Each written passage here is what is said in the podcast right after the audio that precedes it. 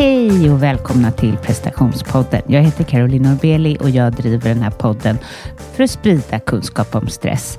Jag gör också det här för att jag vill ta reda på hur presterar man och mår bra? Och hur lever man i den här världen och mår bra? Vill eh, du ha prestationspoddens nyhetsbrev så är det bara att gå in på carolinnorbeli.com.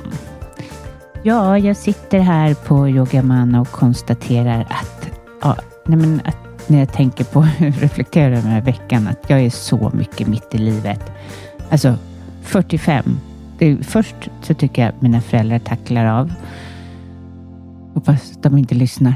Eh, och eh, sen eh, så känns det också som att, åh herregud, barnen, deras alltså det är bara problem. Det blir ju mer. Det är en väldigt liksom komplex situation när, man, när både de äldre och de yngre tar väldigt mycket plats. Jag skulle jättegärna, om det är någon som tycker att man kan prata om det här eh, och har lite tips och erfarenhet så skulle jag gärna intervjua någon kring ämnet. Så har någon ett tips om detta så ring, eller ring, mejla caroline prestationspodden.se så blir jag jätteglad.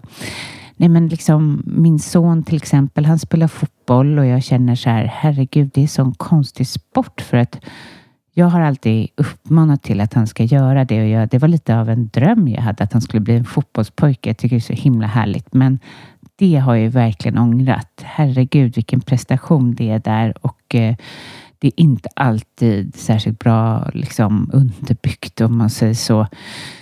Eh, det är som att det är pappor som vill, som inte är särskilt kanske är framgångsrika eller de är inte lyckade med sitt liv och så ska de hålla på och hetsa kring fotbollen och och optimera och så. Alltså han spelar inte i någon akademilag eller någonting, men jag ser det som Friskis och Svettis typ i den nivån, men det gör inte de. Och eh, senast var det så här, han spelade, eh, eller han skulle spela kupp, men de tog liksom inte, det var han och fem andra som typ knappt fick spela, vilket är helt sjukt. Och när han frågade tränaren så kan jag få gå ut och spela? Bara, Nej, du är för kort. De är så himla långa. Då kände jag bara också så här, men gud alltså, för kort.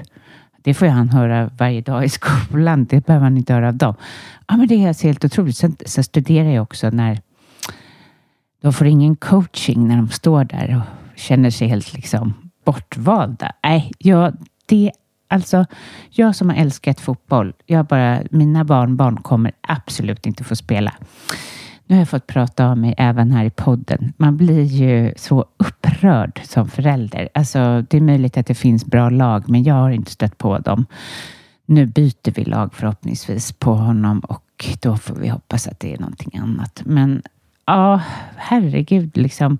Man vill bara att de ska springa och sparka på en boll och röra på sig och få endorfiner och ja, men det, det, det är tydligt att det ska vara svårt.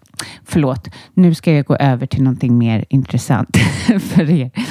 Eh, ja, jag vill ju dela med mig vad som händer i mitt liv och där var ju ena grejen och vilken oro vad det tar plats och herregud, jag har inte signat upp för det här känner jag som förälder. Det, jag tycker det är jättesvårt när barnen inte har det bra. Ehm, det är svårt att hantera hur klok eller hur mycket kunskap man än har om sådana här grejer så Eh, man blir en tigermamma. Verkligen. Men eh, en annan släkting som jag har firat som jag måste dela med mig för jag tycker att det var en eh, så härlig sak. Min farmor var min bästa vän.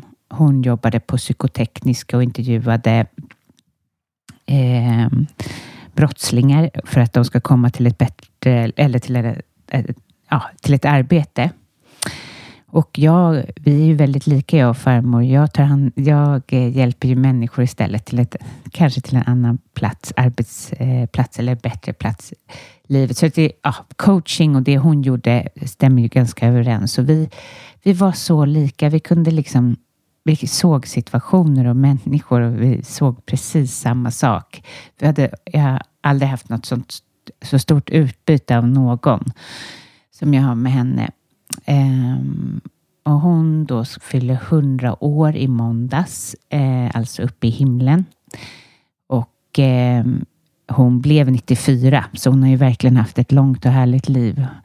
Hon var ju eh, hon var prästdotter och eh, hon, eh, när hon jobb, men hon var allt annat än en, en så här präktig, utan när hon jobbade på psykotekniska så kunde det hända att hon ibland anställde de här brottslingarna hem till sig. För den tiden så hade man ju Um, även liksom städerskor och ja, anställda i hemmet. Det tyckte hon passade.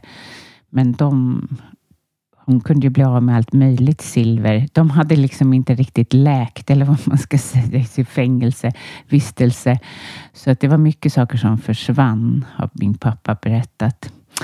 Eh, ja, så hon var lite speciell minst sagt och det tyckte då hela min familj. Så jag, min, mina två farbröder, min pappa och min bror, vi träffas på Zoom för att fira henne.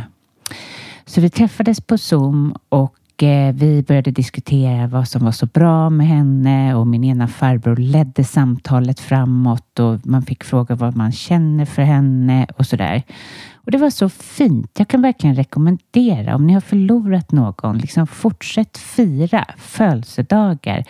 Fortsätt att komma ihåg. Det var som att hon var där. Det var som att hon ja, var närvarande och det var ju så roligt att höra även min, mina farbröders syn och att vi alla hade en sån gemensam syn. Och sen avslutade vi det där med att vi sjöng.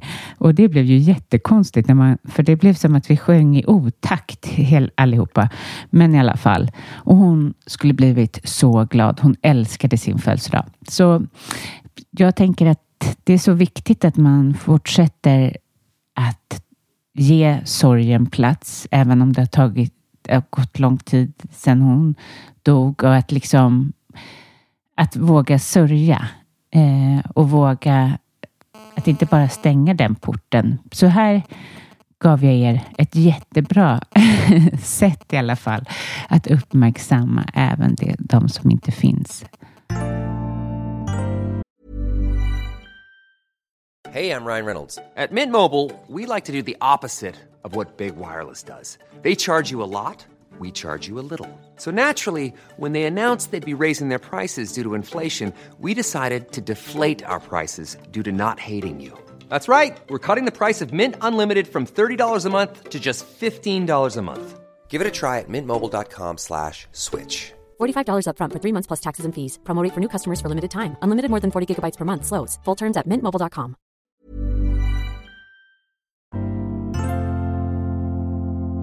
Jag har öppnat upp min coaching. Är du intresserad av att skapa förändring? Det kan vara allt ifrån stresshantering, hantering av dina tankar.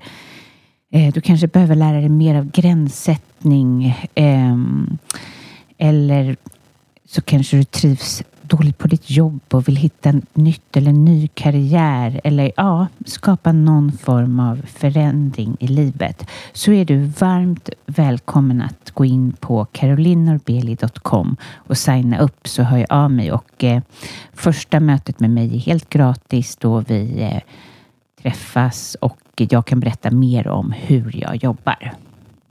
Till det här avsnittet har jag intervjuat Lotta Kasche. Hon har tidigare varit på podden och eh, det blev ett väldigt populärt avsnitt och jag tycker att det är otroligt intressant att prata med henne. Hon är psykolog och eh, jobbar mycket med trauma. Så ja, lyssna till Lotta Kasche.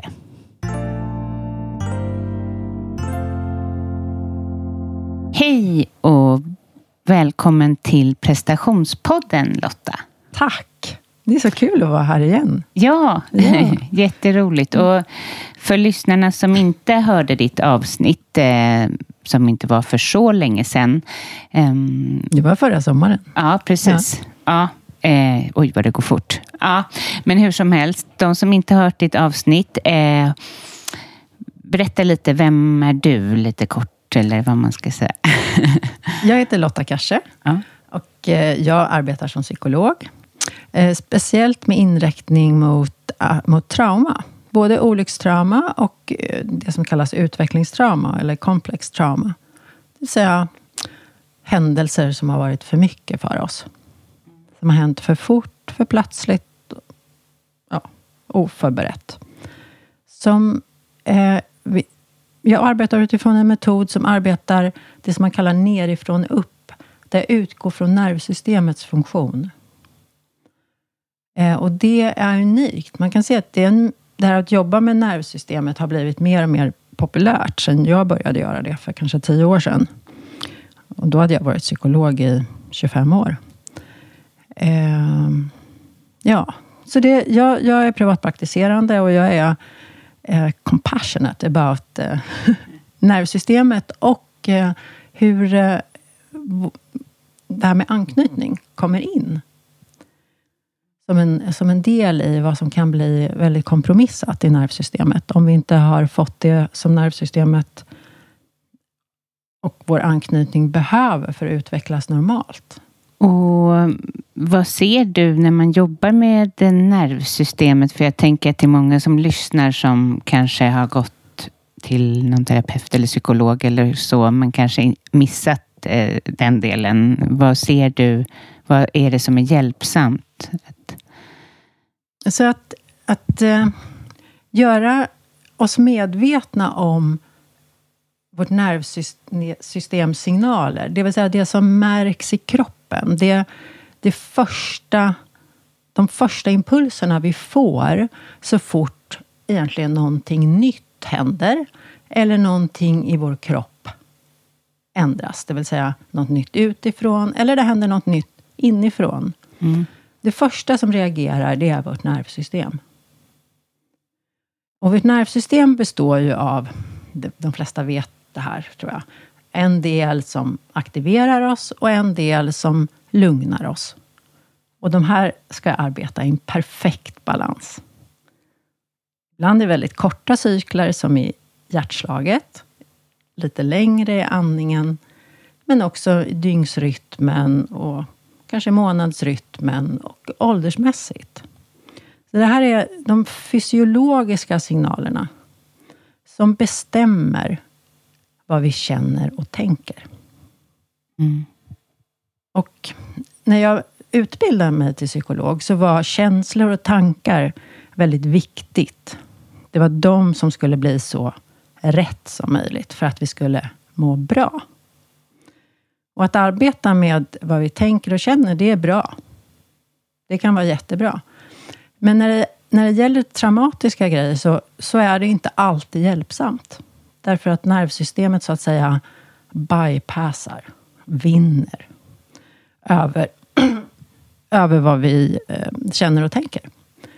Så att, att hjälpa nervsystemet, som jag gör genom att uppmärksamma klienten på vad nervsystemet försöker hjälpa en patient eller en klient med, utan att de märker det.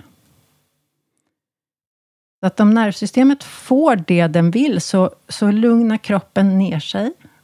Eller hittar ny energi. Beroende på med vilken problematik man kommer. Om man kommer med för mycket energi, som oftast kallas ångest eller oro.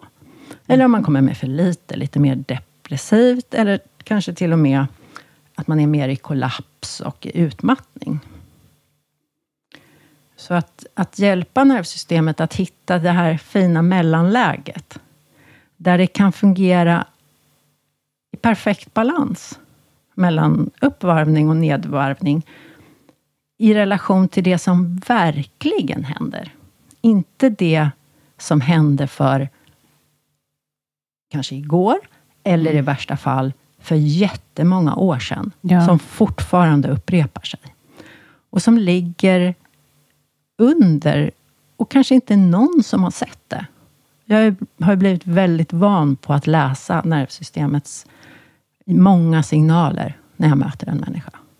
Mm. Det är hur vi sitter förstås, det är hur vi rör oss, det är hur andningen ser ut. Det är vilken ton vi har på huden, hur våra ögon rör sig, vad vi uppmärksammar och vad vi inte uppmärksammar.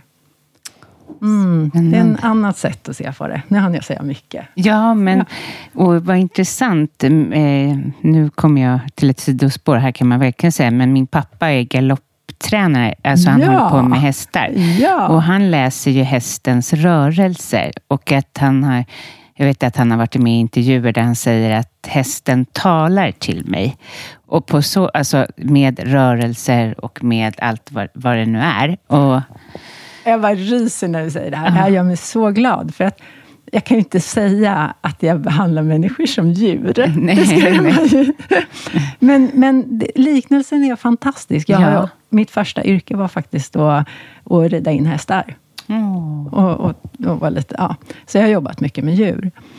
Eh, men det, det är lite... Alltså på nervsystemsnivå så är vi reaktiva lite mer som ett djur.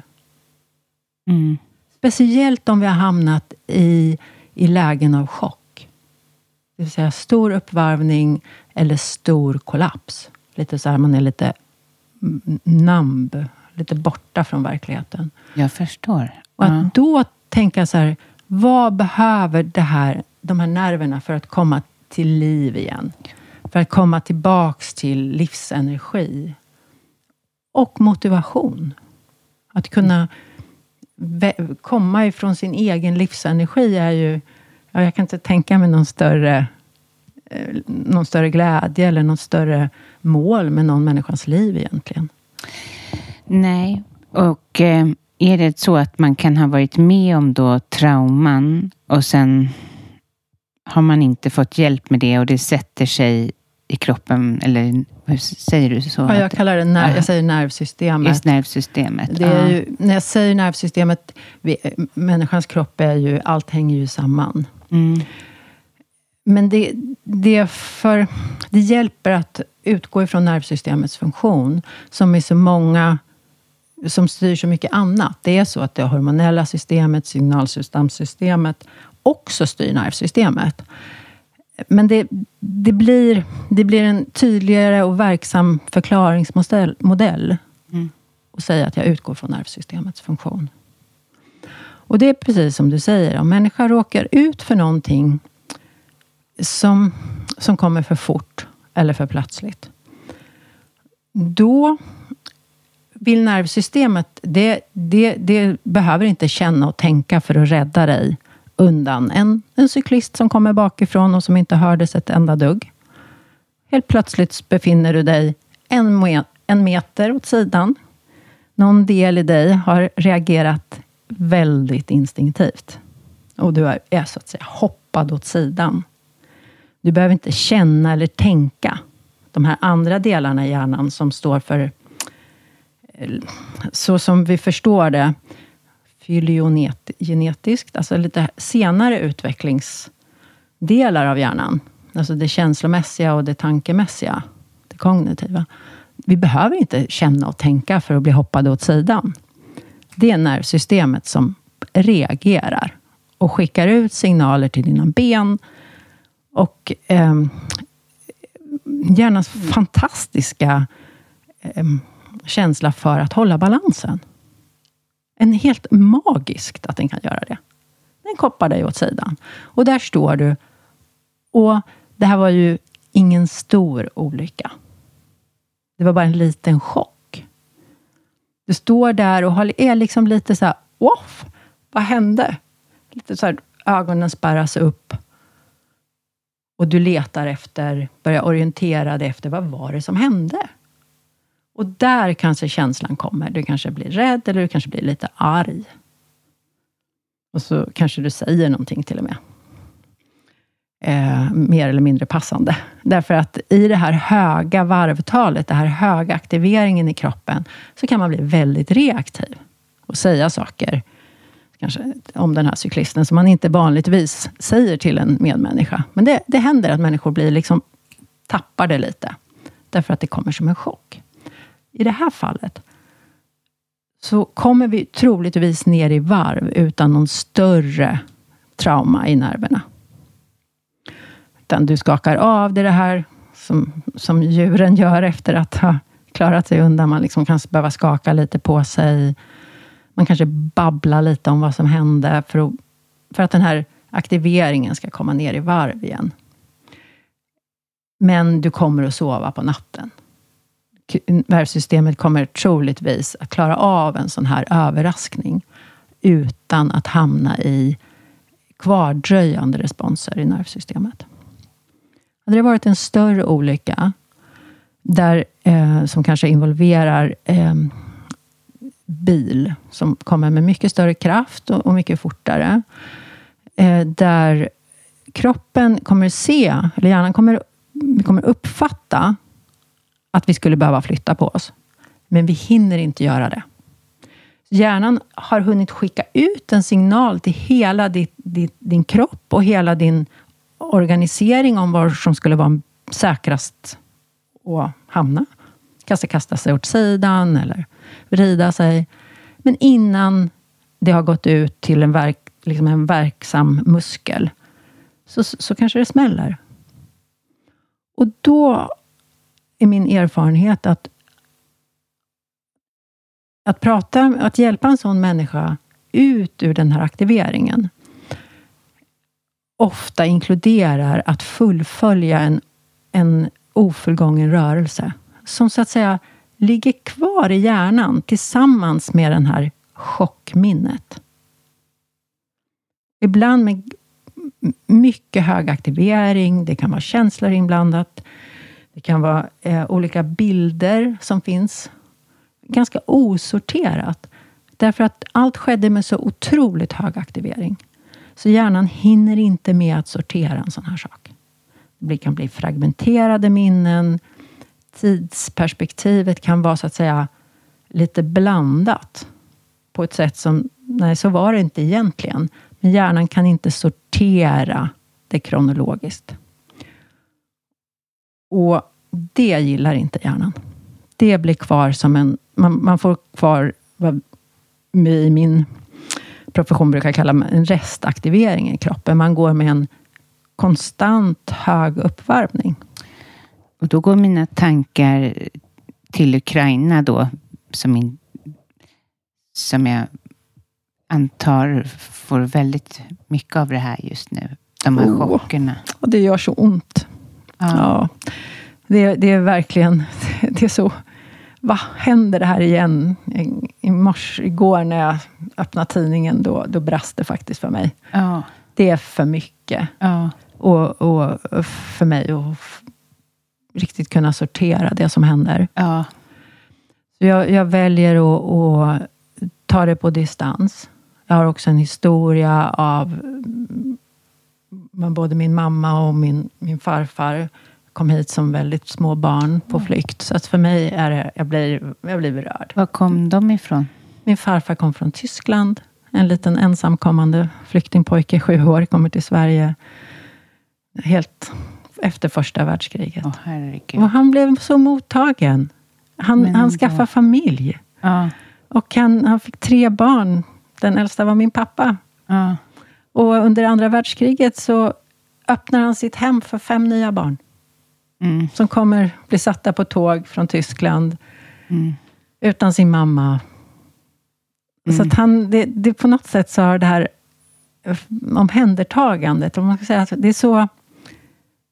Det är fantastiskt för mig. Ja. Att minnas det. Och min mamma kom eh, med en båt från Estland, 44 tillsammans med väldigt många ester. Det kom 36 000 på två veckor. Och man tror att det var ungefär lika många som försökte. Så att det här med båtflyktingar, det har vi haft mycket närmare än mm. vad vi har hört talas om. Mm. Det här ligger liksom i oss.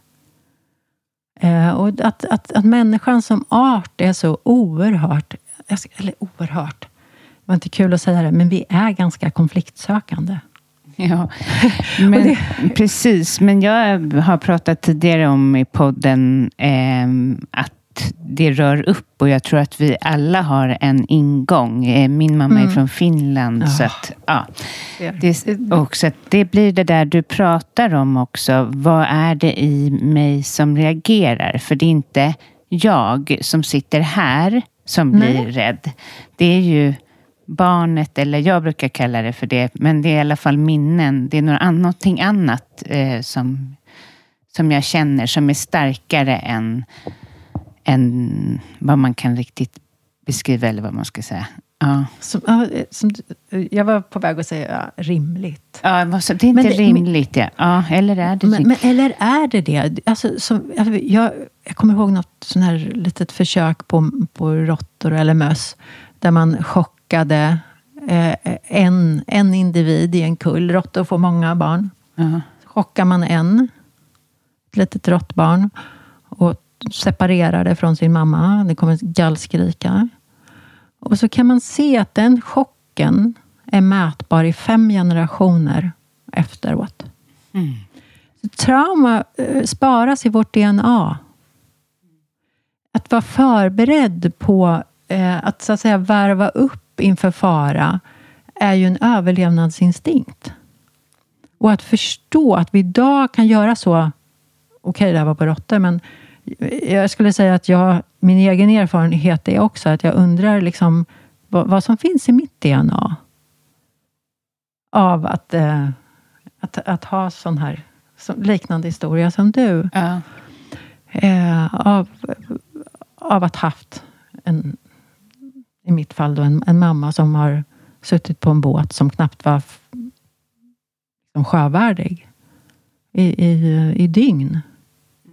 Ja. Att ha haft en, så- alltså att vad det har gjort med nervsystemet och att det också faktiskt som vi har påverkat DNA eller att vi på något sätt verkar det som att vi ärver det.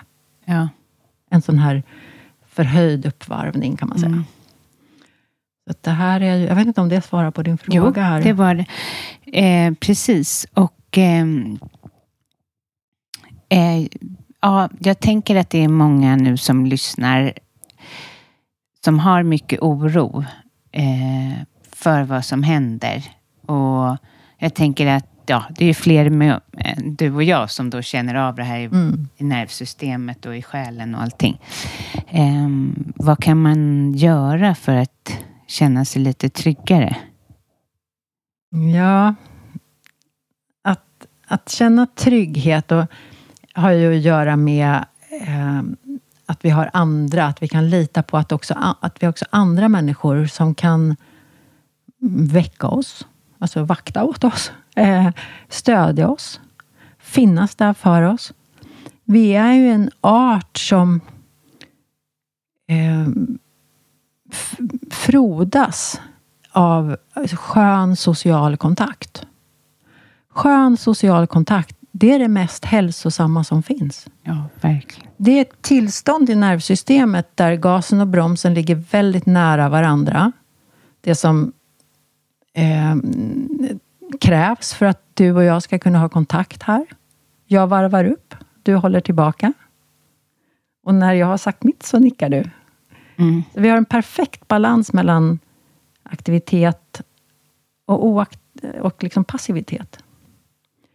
Det som, och som, det som krävs eh, för att faktiskt kunna ha social kontakt och vara lugn på riktigt. Mm. Att, på, att på riktigt kunna... Liksom, så som vi förstår det så är det det, det är ett väldigt speciellt state, tillstånd i vårt nervsystem att, att klicka in i att samarbeta, vara med andra människor. Det, det är det här, jag har pratat om det här förut, jag, man kallar det det här magiska tillståndet. Som, det finns en man som, som forskade på det här och, och myntade begreppet social engagement system. Ehm, och ehm, för, min förståelse av det har ändrat mitt liv. Att förstå att eh, när jag har skön kontakt med andra människor så kommer mina alla, varenda funktion i min kropp att fungera optimalt. Att, att, att inte hitta det här eller ha mycket historia av att inte känna sig säker och trygg med andra människor kommer att påverka dig fysiologiskt och psykologiskt. Det vill säga skapa på sikt sjukdom eller göra det svårt. Alltså det blir svårare för kroppen. Den får ägna mycket mer energi åt egentligen alla funktioner. För att du inte har öppnat för kontakt med andra. Mm. Det, här, det här är så stort så att om, om vi kunde gemensamt få en djup förståelse för det, så skulle vi ändra på väldigt mycket i samhället. Sverige är ett fantastiskt land. Vi är väldigt måna om att, att skapa inkludering och att, eh, att det finns rum för alla och att man får hjälp med att ta hand om varandra och sådär. Men det finns i, i vår vardag, om man pratar om det här, din fråga, jag känner att jag spejsar ut lite här. Du får prata mycket. ut. Jag Men, men alltså, alltså, prata om att okej, okay, det finns hot av krig. Men livet är, kommer att, att överraska oss. Vi kommer, och det kommer dyka upp sjukdom hos dig eller i någon närstående. Sånt här, det ingår i den här livsformen. Och att, att kunna klara av det genom att så att säga, hjälpa sig själv till så skön kontakt med andra.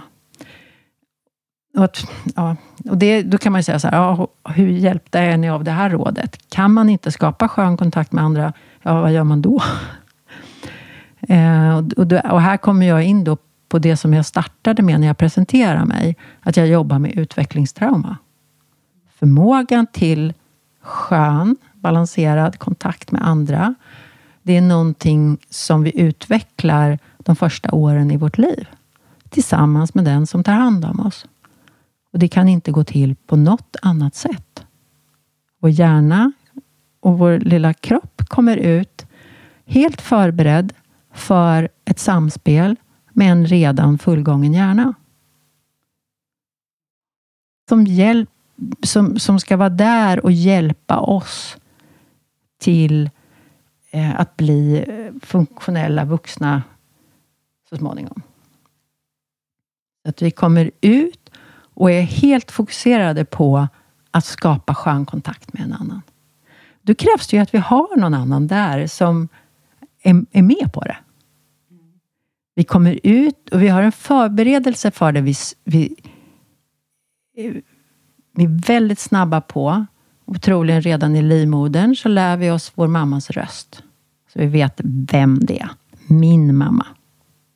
Vi vet att bebisar idag kan skilja ut i ett mummel på 40 personer så, så kan bebisen höra sin mamma. Det är fantastiskt. Alltså, så, så det här organet, öronen, då, vår hörsel. Men också att vi kommer ut med, med ett nervsystem som är förberett för att vara väldigt... Att protestera så fort den stora inte gör rätt. Vad gör den lilla bebisen när det kommer signaler inifrån? Det kommer någon ny signal inifrån. Jag är hungrig, eller jag är blöt, eller det är för högt ljud bebisen skriker. Eller börjar lite smått protestera. Men att nämna, att, att kalla den här aktiveringen hos bebisen, som är, som är en protest till den stora. Gör ditt jobb och se till att jag kommer tillbaks till skön kontakt. Att jag kan vara med dig igen. Det här är ju, det här, det här är ju hur, har ju att göra med vår anknytningshjärna. Och att, och att ha en, en, en stor vuxen som kan relatera till den här protestilskan. Jag tycker om att kalla den protestilska. För att det har inte med aggression eller vara dum, utan det är, det är en respons ifrån vårt nervsystem. Det här är inte bra för mig. Du är för långt bort, då skriker jag. Eller, nu kommer du in i mitt space. Där, jag, vill, jag vill inte ha dig i mitt space. Då puffar jag eller så skriker jag i protest för att visa hur skön kontakt ska se ut. Där ska jag inte miss... Nu är det ju så här att det är den vuxna som ska göra den bedömningen. Vad som den lilla skriker på. Är det en, är, är det en beroende på hur, hur, vilken ålder man är och vad som är så att säga rimligt i, i din familj eller man kan för att vi, man vid den här åldern ska klara av. Så det kommer ju se olika ut. Så det betyder inte att man ska springa på all protestilska. Man ska vara en vuxen som kan lugna och säga Jag hör att du är, protesterar mot det här, men det är inte. Det, här, det är så här vi ska ha det.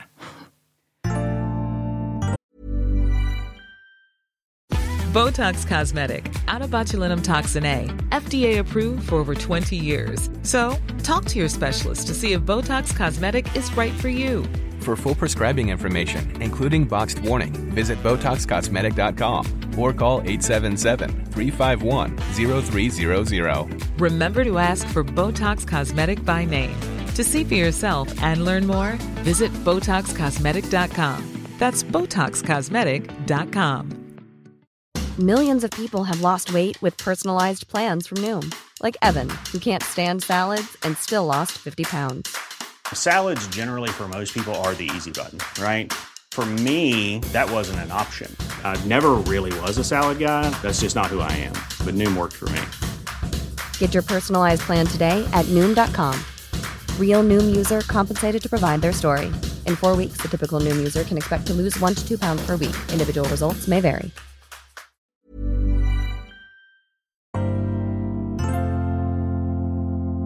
När man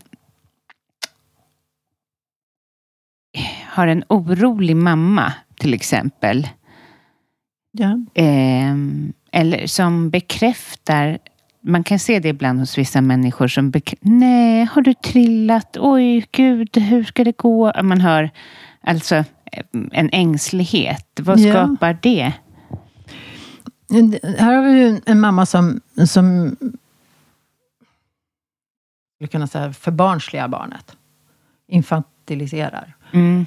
Det, det, att istället låta barnet ta initiativ och tala om med sitt kroppsspråk eller så här att ah, jag, nu vill jag att du håller mig.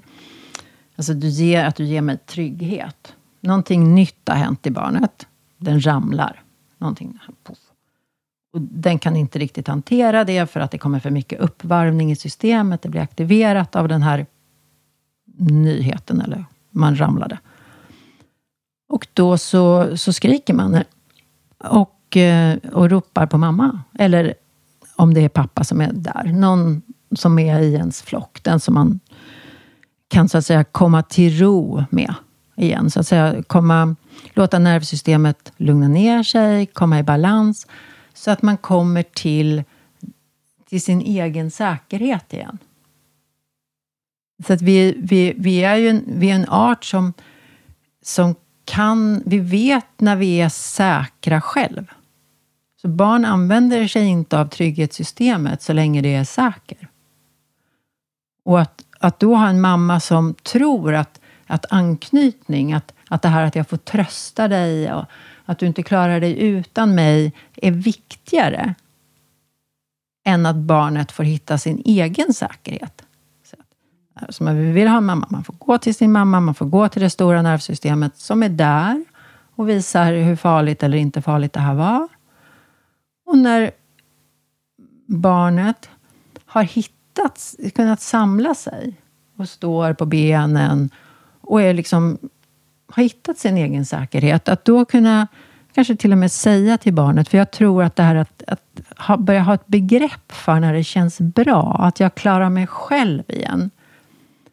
Ehm, Egentligen att jag är självsäker, det begreppet det kan ha så många olika betydelser, men man, faktiskt, jag klarar mig själv nu. Det, vi, vill ju, vi vill ju vara självständiga. Vi vill ju inte vara beroende av att ha anknytning resten av livet, eller hela tiden bättra sin anknytning.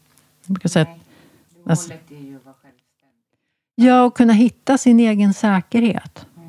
Problemet är att har man chock i sitt system, i sitt nervsystem, i sin hjärna, så är det ibland omöjligt. Eller väldigt svårt, ska jag säga. Omöjligt, det låter hårt. Väldigt svårt att hitta sin egen säkerhet. Det är som att man inte riktigt vet vad det är. För att man inte har blivit speglad i det. Det är jätteviktigt att bli speglad i att ah, där ser jag att du står rak och har, rösten är tillbaka och du kan själv.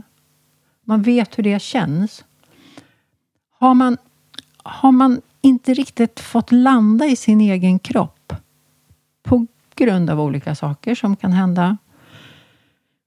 både innan förlossningen och efter förlossningen och de första åren, så har man ibland inte riktigt hittat vad det är, utan man... Vi kan se att en del barn blir väldigt beroende av att, att hela tiden ha någon vuxen där. Därför att man inte vet vad säkerhet är. Och troligen så vet inte den vuxna det heller. Så det här att, att, att skilja på säkerhet och anknytning tycker jag är jätteviktigt. Jätteviktigt. Jag skulle kunna prata flera poddar om det. Ja. Därför att jag har många som kommer till mig och säger att jag har otrygg anknytning, jag måste läka det. Absolut. Men utan att läka så att säga, din säkerhetshjärna. Att du vet hur mycket du klarar själv. Hur mycket du kan liksom, mm, trösta, lugna, säkra upp dig själv. Så kommer inte den terapin att hjälpa. Nej, jag förstår det. Eh, kan det vara, eh, alltså när man får sådana här chocker tidigt i livet. Eh, jag vet inte vad du, det här har jag, det här ligger lite utanför vårt, eh, vad vi skulle prata om, men tror du att det kan leda till vissa diagnoser? Ja, så är det. Mm.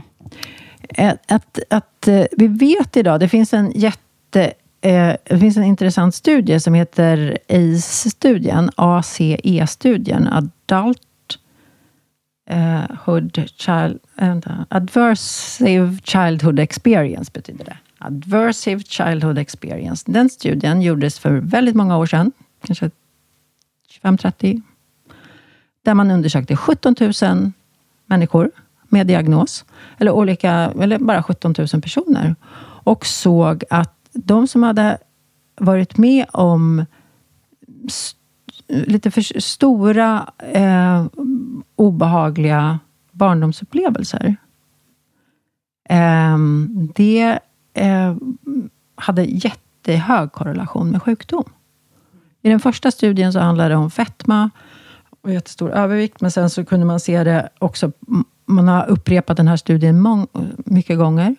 Det är svåra studier därför att det bygger ju på självrapportering. Men det, är inte, det, är inte, det går att göra. Och det, så finns det jättemycket bevis för att, att om vi får stöd, eller att vi får göra det som i mitt språk kallas an, anknytningskompromisser. Så att istället för att få skrika protestilska mot den stora och säga jag behöver det här, så börjar man kompromissa.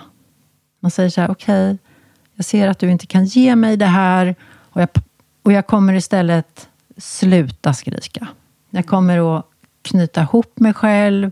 Jag kommer att packa in den här stressen som jag känner i mitt ma väldigt tidigt. För barn så handlar det ofta om, om magen. Eller i mina muskler eller i mina leder. Lite beroende på vilken tid och vilken funktion. Liksom, olika människor packar in sin så att säga protestilska i sitt nervsystem. Vilket kommer förr eller senare få eh, påverka din, din, ditt psykologiska tillstånd och din fysiologiska tillstånd. Så att idag vet vi att, att kropp, och, liksom, kropp och nervsystem och vår funktion är beroende av att vi, kan, att vi har ett, ett välreglerat nervsystem. Ett, ett system som, som kan förhålla sig till det som är nu och, och inte ha behövt kompromissa det eh, vid tidig ålder. Så säg ett barn som skriker och ingen kommer. Den kommer att sluta skrika. Säga att okej, okay, jag behöver inte det här. Och då, då kommer man att bära med sig det in i sin personlighetsstruktur och i sin idé om vad andra människor kan göra och det här det, kom, det har konsekvenser för, ja, det vet, ni som lyssnar vet att... Ja, och jag tänker att de som lyssnar, eh, många av dem har kanske varit utmattade eller lider av hög stress. Och eh, jag vet eh, när jag hör och de meddelanden från dem att de har inte en naturlig gränssättning. Alltså de har inte ett naturligt sätt att få plats. Precis som det här. Då kan man ju även utmattning är lite sprunget ur det här såklart, när man inte har vuxit upp med att få uttrycka sina känslor. Precis. Så är det. Och, och sin, alltså vi, för det lilla barnet så är det inte ens känslor. Utan det är ett nervsystem som, som blir aktiverat av att någonting är fel. Liksom det är för höga ljud, eller det är för kallt, jag är för hungrig, jag känner mig... Det, det, är, inte, det är inte bra. Eh, rent fysiologiskt. Och då skriker vi. Mm. Och om ingen då kommer så, så gör vi inte det. Och jag har jobbat ganska mycket med utmattning. Och olika, av olika de diagnoserna. Chronic fatigue syndrome och ME. Mm. Mm, Där man ofta har sett att hjärnan har inte ens lärt sig att uppfatta att det här är inte bra för mig.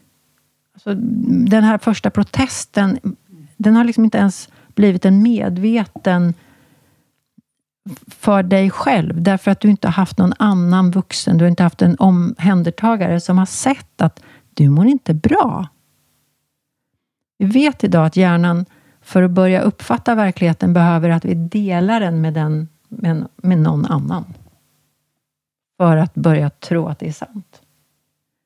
Så att om vi har, blir omhändertagen av en, vux, av en, en vuxen, som har en färdig hjärna, som när ditt system reagerar på att något är fel inne i dig, reagera på det ålders, åldersadekvat, så kommer du att ha det implanterat i din tidigaste utveckling, innan du har några minnen, innan två år, där det är helt självklart att inte gå över dina gränser. Mm. Men har du blivit tvungen att kompromissa dem för att överhuvudtaget liksom ha en rimligt lugnt nervsystem omkring dig,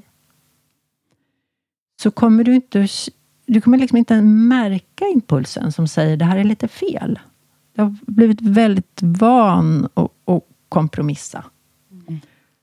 För att barn måste kompromissa för att ha den stora omkring sig. Barn vill ha en lugn vuxen. Och om den vuxna blir lugn av att du skiter i dig själv, ursäkta språket, Mm. så, så, kommer du, så kommer det bli din verklighet. Mm. Det här är, det här är, så det här är, är mer eller mindre lätt att, så att säga, reparera. Du har en hjärna som är lite ovan vid de här signalerna. Så att, så att, att börja Öva i det lilla. öva, liksom. Mm. öva, öva. Känna signalen, prova. Mm. Ja. Ehm, precis. Och jag tänker att eh, även när man är vuxen då så har man ju föräldrar, om de lever, som är Ja, men som fortsätter det här mönstret. liksom, Så att man kan ju... Så att eh, man har ju något att öva på, även Mm. när man är vuxen, om man säger så. Men det var väldigt fint sagt. Ja, Ja. Det här att, att, att börja ha eh, skön kontakt. Mm. Som är, jag brukar säga, åldersadekvat. Mm. Att börja bråka med sina gamla föräldrar är inte alltid helt rätt. Nej. Utan, utan, utan mer att, att, att, att kunna säga ja och nej på ett nytt sätt. Och det är Mm. klart att jag tror det är många som känner igen sig att det, att det som har hänt i din tidigaste familj är oftast det som sitter. Det sitter liksom i det sitter så långt ner Ja. i hjärnan, så sen tidiga utvecklingen, så att det inte... Och det sitter i det som jag kallar procedurminnet. Att eh, det är inte, det är liksom inte, en, det är inte lika medvetet eh, som, som det blir när vi är lite äldre. Utan för barn så är det, det är mer ett, att vi bara gör som det gjordes omkring oss. Det sitter liksom i musklerna. Det sitter innan vi känner och tänker. Ja, och det kan ju kännas som livsfara att utmana gamla eh, familjemönster. Alltså på, Mm. i kroppen känns det som riktig livsfara. Eh, Ja. Det stämmer. eh, men det finns egentligen ingen verklighet i det, utan det är ju mera, Ja. det är bara upplevt liksom. Ja, det är ju att uppleva den kompromissen Mm. i den vuxna kroppen. Eh, minnet av den kompromissen i, i, i den vuxna kroppen. Du kanske sitter 30-40 år senare i, i om, om, om man går en, en terapi som är somatiskt orienterad, lite Mm. nerifrån och upp orienterad. Så, så kommer man troligen att känna de känslor man inte kunde känna då. Mm. Och då förstå att, att de känslorna är inte här och nu. Du kan sitta här och nu och bara nästan eh, titta på din egen kropp och känna armarna börjar göra någonting. Det kanske kommer gråt. Men jag är samtidigt här och förstår att det här är, det här är upplevelser som har liksom varit frusna i mitt, i, i, mitt, i min nervsystem, i min hjärna, i min minnesbank. Sen då. För då fanns det ingen där Mm. som kunde ta emot den här protesten eller den här besvikelsen som blev en kompromiss. Men istället för att skapa en skön relation började jobba, leverera, vara jättesnäll, lyssna, göra allt för att få skön kontakt igen utan att behöva blotta den här protesten, så att säga. Det- Ja. Verkligen, det är så otroligt. Jag, ja, jag ser många människor framför mig. Men, så- men en sån här, sån här går att läka. Nu är, Ja. jag, nu är jag psykolog och jobbar oftast med en människa i taget. Ja, Ehm, men att börja förstå var ens reaktioner kommer ifrån och att börja vara intresserad av det här, om vi går tillbaka till din pappas galopphästar, att börja läsa sin egen kropp. Mm. När trivs min kropp bäst? Kan jag få lite mer av det? mm. Kan jag, kan jag sätta mig på ett annat ställe i rummet så att det blir lite bättre för mig? Ja, om jag flyttar på mig så är jag inte lika irriterad av ljuset eller ljudet. Att börja prova sig fram. Vad blir bättre för mig? Liksom Ja. där, där kommer vi någon slags mer vardags, här och nu. Att börja lyssna, liksom, lyssna på din kropp. Igen. Ja, verkligen. Och jag kan tänka mig att det är många, alltså säg, när man inte har fått det där som liten kan man ju nästan sitta på en galge utan att märka det för att, ja, det, det var liksom så det var, om man säger så. Det var så det var. Ja, och att börja ta bort Ja. galgen och se efter och se om sig själv. Ja, det är en väg ur utmattningen eller var man nu befinner sig. Ja. Ja, eller vilket, vilket symptom man, Som man har, har. av Ja. att ha, ha fått kompromissa Ja. för att vara, få kontakt med andra eller ha kontakt med andra. Mm. Vi ser, eh, Tid- Tiden flyger iväg och jag verkligen jag njuter av att höra dig prata. Eh, Och eh, du kommer säkert komma tillbaka framöver, hoppas jag. Eh, jag Jag hör av mig igen. Jag kommer. Eh, ja, ehm, och vad, om man vill komma i kontakt med dig, vad, vad hittar man dig då? Jag heter Lotta Kascher. Mm. Stavas K-A-S-C-H-E. Jag anar att det här kommer stå bredvid podden. Mm. Eh, jag, eh, jag är privatpraktiserande. Jag har eh, ganska lång kö. Ja. För att vara nervös. Alltså lite oj. Ja, jag Det, förstår. här, jag, det har hänt efter sådana här poddar att jag ibland har fått otroligt många mejl. Ja, Och jag, och jag känner att jag behöver göra mitt arbete tillgängligt för flera. det Så tycker jag jag. jobbar på det. Ja, Men ni, ni hittar mig och, och det, det, ja, precis. Jag förstår. Mm. lyssna på det här och sök vidare. Jag, jag rekommenderar också somatic experiencing. Men eh, du får komma tillbaka när du har, är klar med det här lite som du kan nå ut till fler. Ja, Tack. ja. Tack så mycket för att du kom. Tack för att jag fick komma. Tack snälla för att du lyssnar. Och ännu mer tack om du sprider podden, till exempel på Instagram eller om du vill gå in på iTunes och lämna eh, några stjärnor eller kanske en recension. Gör det, för då sprids podden och den behöver spridas till flera. Det finns många stressade där ute. Men framför allt så hoppas jag att du får en jättehärlig vecka. Ha det bra! Hej hej!